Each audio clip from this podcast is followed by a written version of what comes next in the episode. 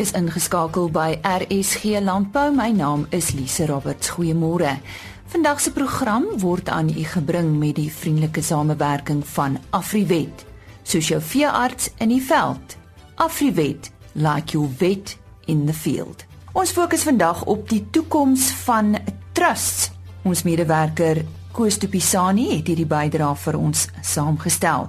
Dan gesels ons met BFAB oor stapelvoedsel in Suid-Afrika en die Suid-Afrikaanse verbruiker. Hulle gee die nuutste statistiek deur.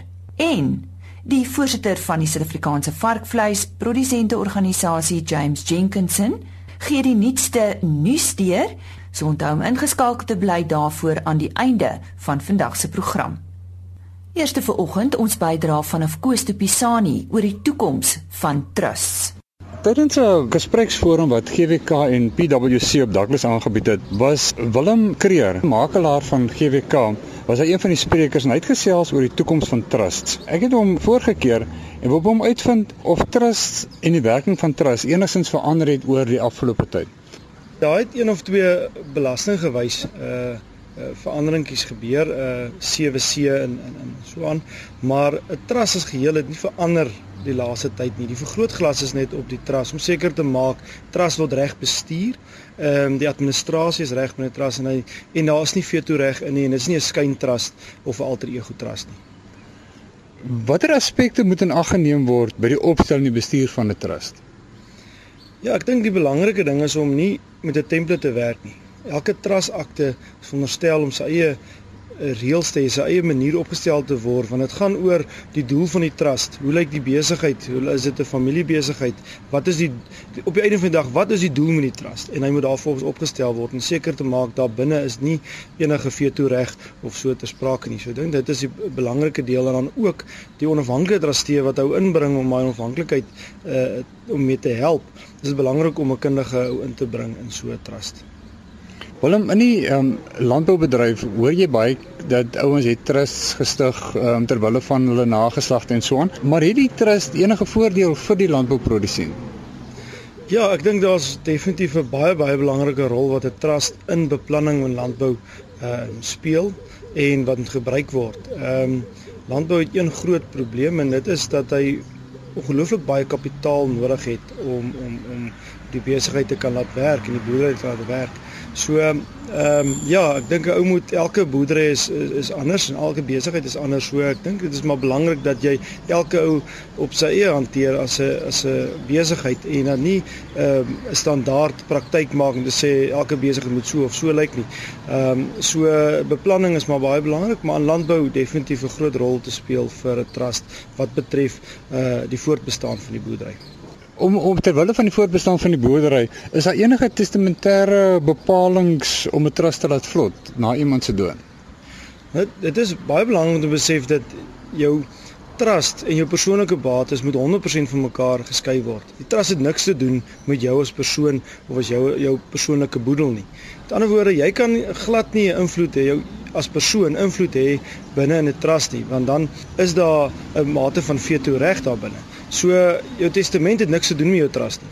Enigste plek waar jy 'n uh, testament gebruik in 'n trust is om wie gaan jou opvolg as trustee. So jy kan in jou trust akte bepaal en uh, insit om te sê ek gaan testamentêr bepaal wie moet my opvolg as trustee en dan moet jou testament dit dan nou net uh, in hê om te sê wie gaan jou opvolg as trustee, maar daar mag glad nie beheer wees binne in 'n trust deur 'n individu of jou eie persoonlike goed nie. So 'n testament het niks te doen met met die trust nie. Kan 'n trust enigstens verander nadat hy opgestel is of uh, as hy opgestel is, is hy opgestel? Ja. Ja, binne die trust akte sal die reëls uh wees hoe jy 'n trust akte kan verander of 'n wysiging maak binne die trust akte. So mense gaan kyk wat sê die trust akte en binne die reëls kan jy 'n trust akte wysig want ehm um, die belasting verander, die die wêreld verander jaarliks daar buite. So ek dink dit is belangrik om elke jaar seker te maak uh my trust akte is nog in plek. Uh my trust akte is nog belyn met met die doel en en en hoe dit daar buite werk en op die manier ehm um, kan 'n trust akte gereeld gewysig word op die reg deur die regte prosedures. Dit was dan Koos de Pisani wat gesels het met Willem Kreur oor die toekoms van trusts. Tydens die onlangse koring in Daba het Hester Vermeulen 'n aanbieding gedoen oor die faktore wat die verbruiker beïnvloed. Hester is koördineerder van verbruikersanalise by BFAB of die Buro vir Voedsel en Landbou Beleidsnavorsing. Esther, goeiemôre. Hoe vergelyk Suid-Afrika met die res van die wêreld in terme van uh, hoe die hoeveelheid mielies, rys en koring inname as ons nou maar uh, kyk na die afgelope paar jaar? Uh, goeiemôre. As ons kyk na daai tendense, verskil Suid-Afrika nogal baie van die res van die wêreld. Kom ons kyk byvoorbeeld na oorseese lande, kom ons kyk byvoorbeeld na China, VS en Europa. Daar word die meeste koring verbruik. So ons die skatting is omtrent so sê maar so 243 miljoen ton koring. 92 miljoen ton mielies en 114 miljoen ton rys. So dit basies koring, rys en dan mielies. Ehm um, terwyl in Suid-Afrika is ons groot inname eintlik mielies wat die dominerende aantal tonne is, 4.5 miljoen ton, gevolg deur koring in tweede posisie 3.2 miljoen ton en dan rys 1.3 miljoen ton. So ons kan sien dat die volgorde baie verskil.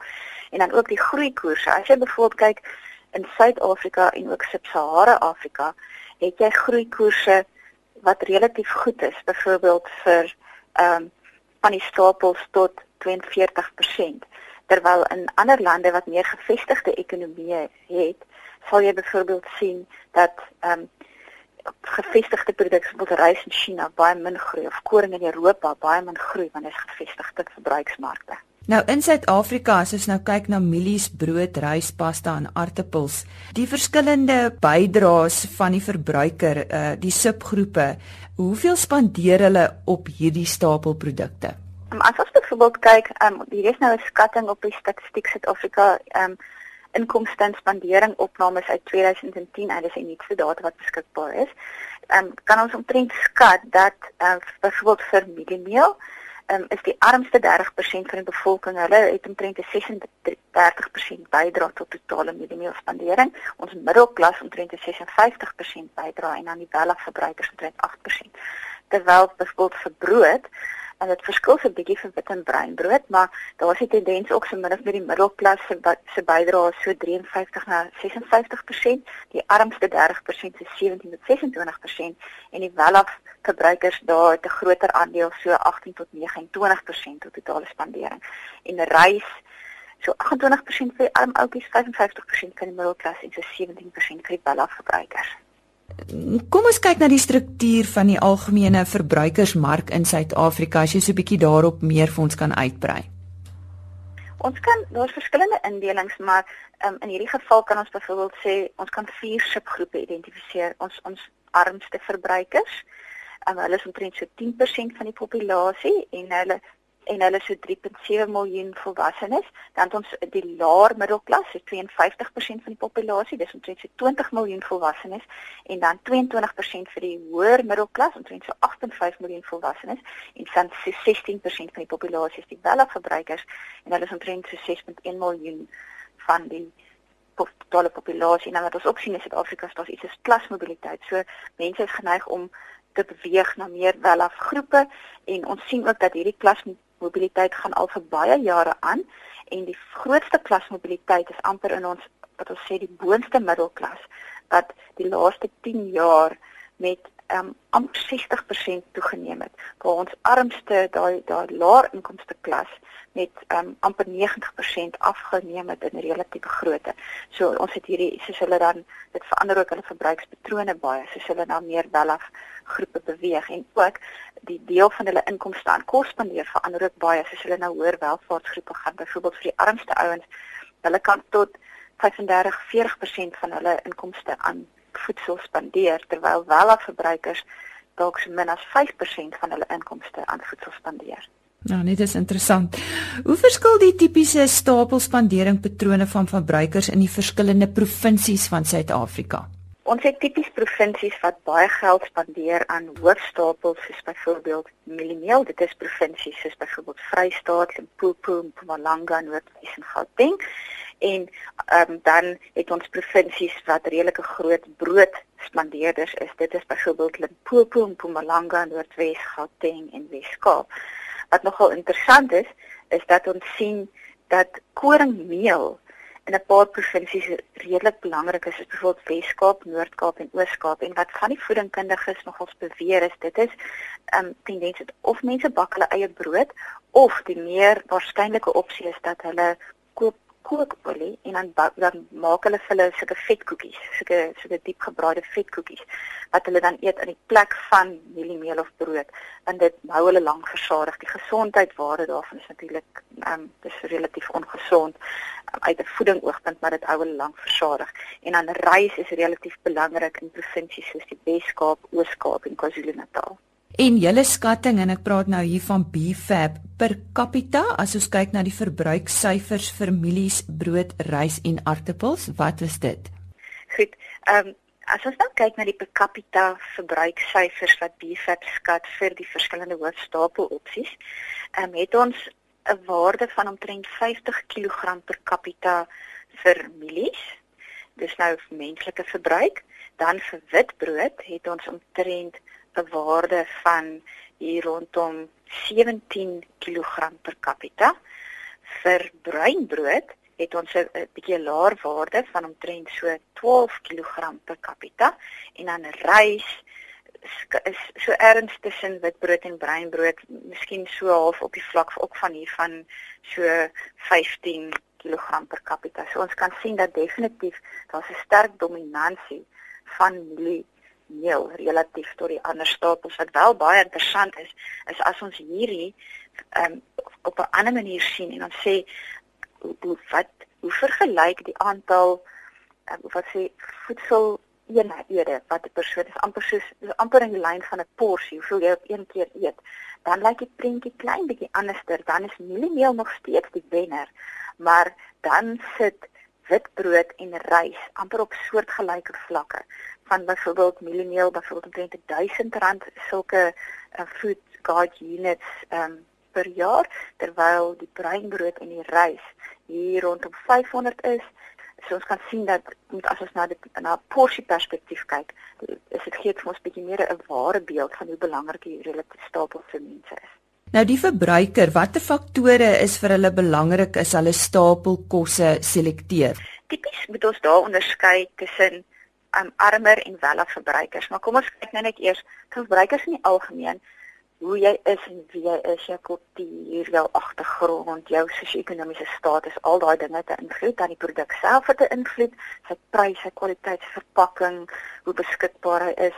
Dan is dinge ook belangrik soos die voedingswaarde, gesondheid, ehm um, wil jy die produk geniet of moet dan net jou maag vol maak? Gesondheid, as jy bekommerd oor die omgewing. So daar is net 'n paar faktore wat verbruikers kan belangrik wees as hulle voedselitems kies. Nou studies in die verlede het getoon dat byvoorbeeld as as armer verbruikers stapels kies, is veral bekostigbaarheid, waarde vir geld en hoe versadig die produk hulle hou geweldig belangrik.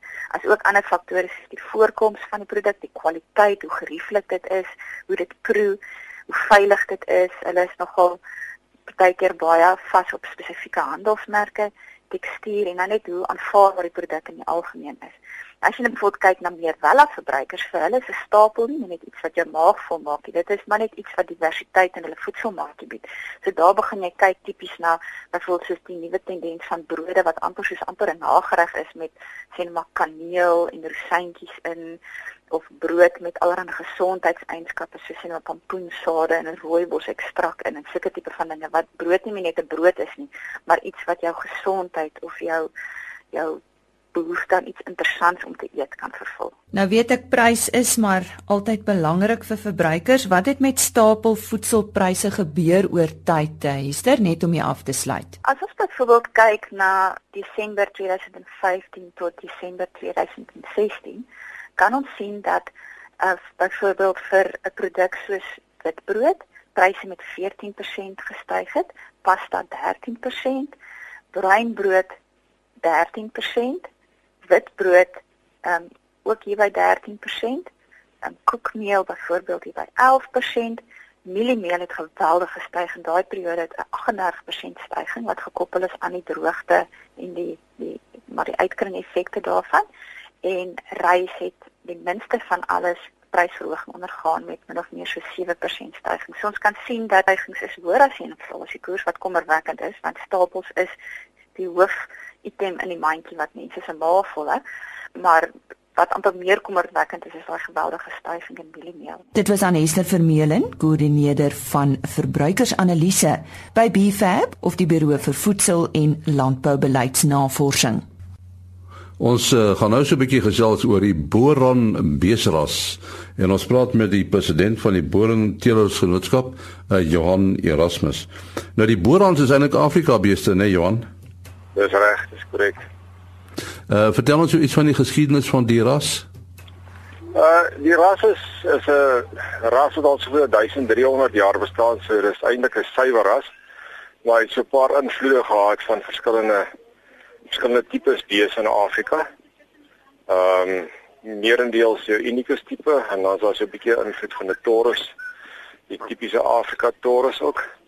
So maar dit is 'n suiwer ras wat geneties baie uniek is en en eie is van Afrika.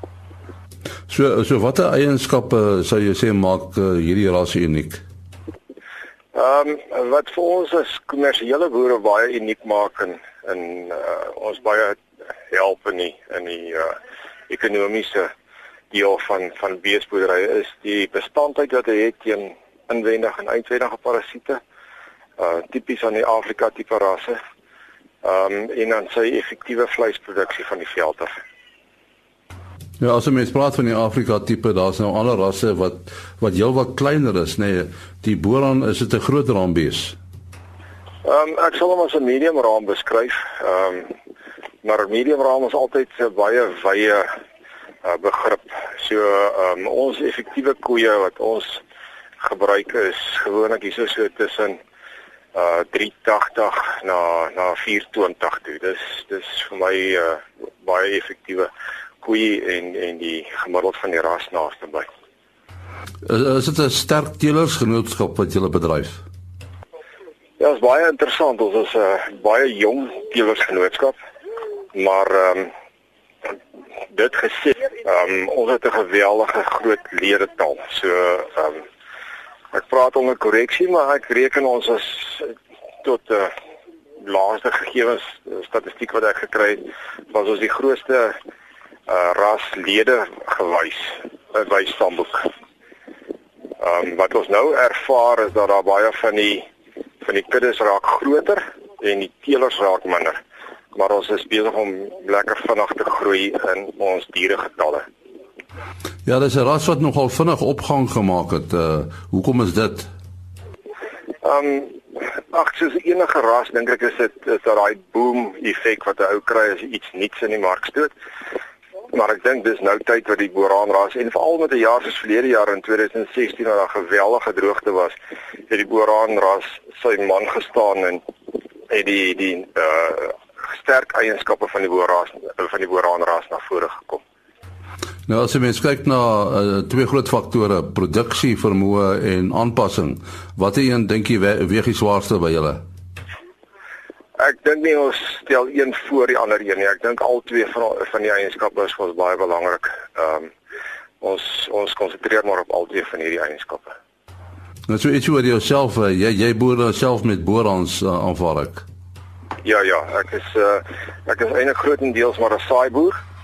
Ehm uh, maar die passie vir bees ehm um, is maar daar. So ek dink die boeraanras pas baie goed aan daar omdat ek nie noodwendig altyd volle aandag aan die aan die bees kan gee nie en dis 'n dis 'n ras wat homself kan onthou op die veld. En uh, watter omgewing boer jy? Ek boer in die Derby omgewing tussen Derby en Ventersdorp. Ehm um, in Noordwes area wat eintlik 'n hoëveld area is. Jy sê jy's 'n saai boer. Uh, hoe groot is jou uh, kudde boerhans? Uh op die oomblik is dit is daar 'n um, paar kuddes wat saamgevloei het by my. So ehm um, ek dek op die oomblik so so 'n bietjie oor die 300 koeie. So in totaal is my is my kudde so by die 700. En jou toekomsplanne, gaan jy nou nog 'n uh, groter uh, klompie beeste kry? Ja ja, ek het my kommersiële kudde as ek besig om uit te skuif. So uh, ek wil 'n bietjie meer fokus op die stoet uh afdeling. En as ek my kudde so 'n bietjie groter maak, gee dit my die geleentheid om elke jaar 'n produksieveiling op my eie te hou. Nou ja, ons sê baie dankie aan uh, die president van die Boerhandelersgenootskap, Johan Erasmus. Volgende aan die woord, die voorsitter van die Suid-Afrikaanse varkvleisprodusente organisasie, James Jenkinson. Hy gesels onder andere oor hulle leierskap en die huidige mark. Ek het verlede week met hom gesels. Môre Lise, baie dankie. Ehm um, ja, definitief, ek dink dat die moeilike jaar wat ons was gekom het as produsente sal dit vir ons baie goed wees om beter pryse in die mark te kan behaal vir ons produk. Dink dit is baie belangrik vir die oorlewing vir ons boere ook dat ons 'n um, goeie pryse aan daai kan kry. Dit is dalk so dat ons dalk 'n keer verligting aan ons inset te gaan kry, maar ek dink dit is belangrik vir die vir die bedryf om om om die om die koste te kan deurgee om ons produksiekoste te kan deurgee aan ons aan ons aan ons verbruiker vir die bestaan van die swart boere bly dit nog uiters belangrik om 'n goeie prys te kry.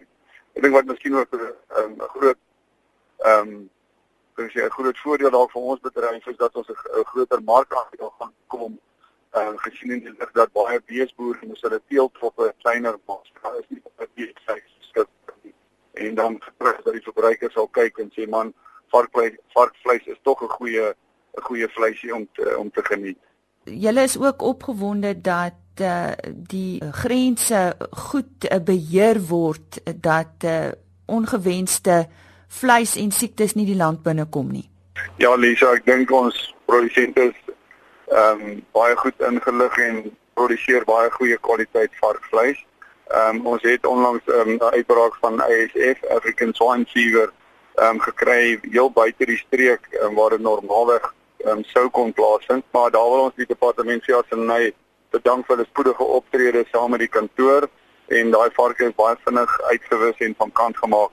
So ehm um, ek dink daar's ehm um, uh ook die ehm um, uh, die die die uitbraak alhoewel dit nou buite die die die rooi lyn was, is dit vir ons ehm um, uh, uh onrusbarend dat hoe dit hoe dit gekom het waar waar waar die uitbraak plaasgevind het.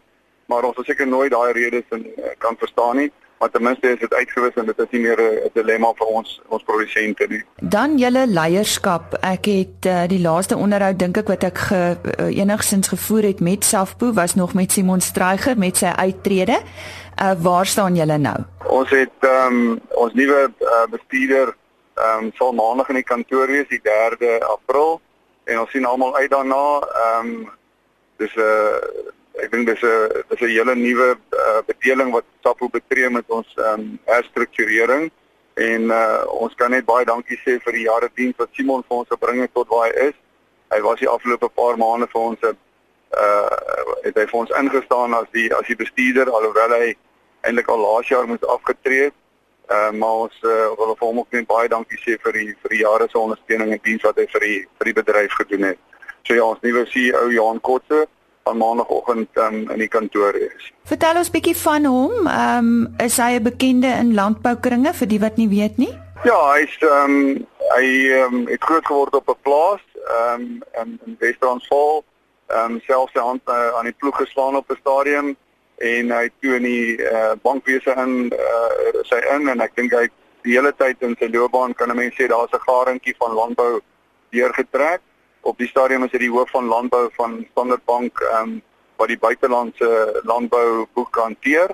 Ehm um, so ja, ek dink om om, om soos ek gesê het, ek dink hy sou wat nog die hele tyd 'n garantjie deur deur landbou geweef het en ek ek dink dit sal 'n groot aanwinst vir ons as uh, as Seppo wees om hom nou in die in die stoel te kan kry. Waar staan julle nou met die hele Agua saak, uh, James? Ehm um, dis ja, dis 'n ding wat seker nog jare gaan vat om die ding agter ons rug te kry. Ons het nou wel 'n hofdatum gekry um, in April. Ehm um, sal ons die ding seker nou begin aanvoer in die in die howe en sien hoe ons die ding kan uh, kan die nek inslaan. Ehm um, so wil wil ek seker te veel sê wat die strategie van SAPO is nie dat ons eers maar aan die hof kom en sien hoe die hoe die ding dan daaraan gevoer word. Ehm um, vir die vir die vir die varkbedryf dink ek is ons in 'n baie goeie posisie dat ons nie heeltemal te veel of dat ons nie te veel tonne maat invoere of die AGOA beginsel het nie, maar ek dink vir ons as 'n bedryf is dit 'n beginsel ehm um, wat ons um, wat ons wil uitklaar van hoe die departement en die politisie die AGOA ding aan mekaar geslaan en geteken het tot dis gebied vir vir ons bedryf uh, wat uh, wat invoere aanbetref. Goed, net om jou af te sluit, uh, ons het lanklaas eintlik met jou gesels, so dalk net so boodskap vir ons produsente, dalk uh, ons is nou goed in 2017 in, maar ek dink dit is dalk goed as jy so 'n paar gedagtes uh, met hulle deel. Lisa, baie dankie man. Uh jy vang my dalk van kans vanmôre, maar ehm uh, ja, ek dink ek dink dit is 'n goeie tyd om in, in landbou te wees. Ek is nog altyd 'n persoon wat gehuldig het as ons 'n goeie mielie oes het dan uh, dan is dit die begin van alles. Jy weet, dis dit is die begin van kos vir mens en vir dier en dan en dan kan dan kan die land beter doen. So ek hoop regtig dat as ons kyk na hoe die hoe die oes lyk op die lande op die stadium dat daai oes kan deurkom dat dit in die silo's kan kom dat ons dat ons 'n goeie kosmandjie het om Suid-Afrika te voed, het sy dit nou mense of diere is. En uh, ja, vir ons bedryf dan ook om daarop te kan ehm um, die rendement vat en kapitaliseer en en verder kos aan aan die verbruiker te voorsien. So ek dink daar's 'n daar's 'n goeie tydjie vir ons as produsente hopelik in die jaar wat kom. Die stem daarvan James Jenkinson. Hy is die voorsitter van die Suid-Afrikaanse varkvleisprodusente organisasie. Onthou môreoggend se program nie mis te loop nie. Ons gesels weer weer waarhede met Johan van der Berg. En hy praat ook met Frans van Eden oor BTW in landbou. Afkasa slaan 'n nuwe rigting in. Dr Gerard Verdoren vertel ons daarvan. Dankie dat u na RSG Landbou geluister het. Die program is vandag aan u gebring deur Afriwet, soos jou veearts in die veld. Afriwet, like your vet in the field. RSG Landbou is 'n produksie van Blast Publishing. Produksieregisseur Henny Maas. Aanbieding Lisa Roberts. En uitskoördineerder Martie Kerstyn.